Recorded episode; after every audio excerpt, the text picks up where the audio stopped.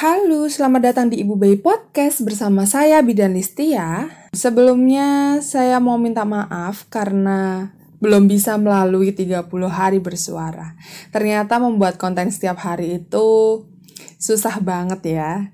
Ngedit sendiri, kemudian bikin setiap hari itu susah banget. Salut banget deh buat teman-teman yang bisa bikin konten setiap hari. Kalian keren banget. Oke, kali ini kita akan membahas tentang bayi yang tersedak dan meninggal karena ASI. Ada nggak sih kejadian kayak gini? Jawabannya ada, gitu ya. Walaupun kejadiannya mungkin kecil ya, nggak banyak gitu ya, dan kasus tersedak itu kan banyak sebenarnya. Cuman kalau misalnya sampai meninggal itu memang angkanya sedikit gitu.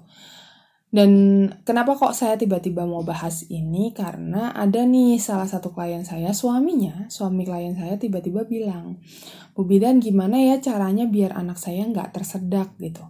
Saya kaget, loh kenapa kok tiba-tiba tanya gitu? Karena menurut saya ini pertanyaan yang uh, jarang untuk ditanyakan gitu. Sekian tahun saya berprofesi sebagai bidan gitu ya, dari 2010, tiba-tiba ada pertanyaan itu gitu Nah, ternyata teman dari ayah baby A, bayinya ada yang meninggal karena tersedak ASI. Kebayang ya? Padahal ayah baby A ini anaknya baru lahir nih, baru empat hari gitu.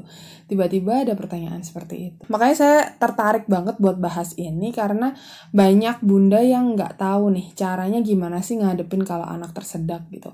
Umumnya anak tersedak itu diangkat nih badannya ke badan kita langsung diangkat kemudian langsung dipupuk punggungnya gitu. Apakah dengan mengangkat tubuh anak itu sudah tindakan yang tepat? Ayo dengerin sampai selesai ya. Tips gimana caranya menghadapi anak tersedak.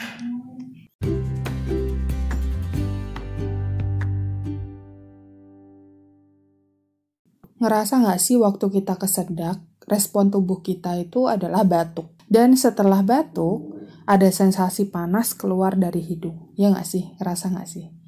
Nah, kenapa hal itu terjadi? Karena waktu tersedak, epiglotis atau selaput penutup yang menuju ke paru-paru itu nggak berfungsi dengan baik. Hal ini disebabkan karena ada cairan atau makanan yang menghambat saluran udara di tenggorokan. Itulah kenapa waktu kesedak, respon tubuh kita itu jadi batuk. Buat bantuin ngeluarin cairan atau makanan yang nyangkut tadi kebayang gak sih kalau terjadi pada bayi kita gitu ya, organ tubuhnya itu masih dalam proses penyempurnaan. Terus gimana kalau bayi tersedak? Nah, yang pertama harus dilakukan adalah memiringkan tubuhnya. Jadi tubuh dan wajahnya atau mukanya itu langsung dimiringin sebadan badannya. Kemudian punggungnya ditepuk-tepuk. Oke, tepuk-tepuk lembut aja untuk bantu biar ngeluarin nih cairannya yang nyangkut di epiglotis tadi. Jadi bukan diangkat ke tubuh kita, tapi miringin aja. Kenapa kok enggak langsung diberdiriin gitu ya? Karena contohnya aja deh waktu kita tersedak dalam posisi tidur terentang. Nah, apa sih refleks yang kita lakukan? Tanpa kita sadari, kita memiringkan tubuh kita langsung ke salah satu sisi gitu langsung habis itu dibatukin di situ. Nah, sama halnya dengan bayi. Itulah kenapa bayi itu tidak dianjurkan untuk menggunakan bantal.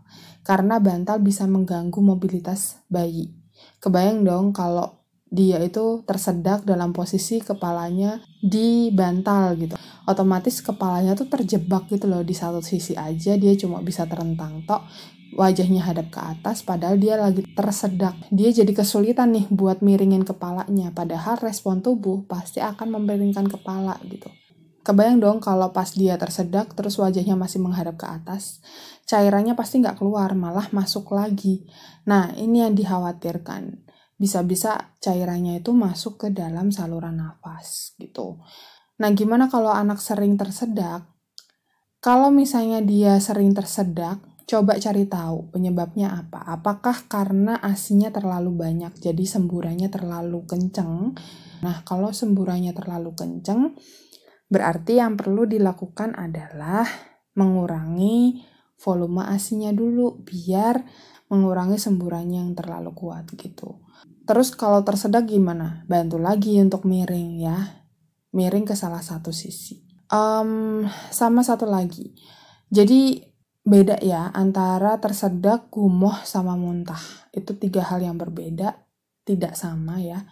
Kalau tersedak otomatis anak akan responnya akan batuk-batuk seakan dia mau mengeluarkan sesuatu gitu. Beda dengan gumoh dan beda lagi dengan muntah. Sekali lagi ya, tidak mengangkat anak di saat dia tersedak. Ya, kalau misalnya muntah ataupun gumoh juga jangan langsung diangkat. Sama-sama dimiringin. Dan dibantu dengan ditepuk-tepuk punggungnya. Oke. Untuk pembahasan muntah ataupun gumoh, kalau misalnya mau untuk dibahas nih, kenapa sih kok anak bisa muntah, kenapa sih kok anak bisa gumoh gitu ya, boleh banget request aja.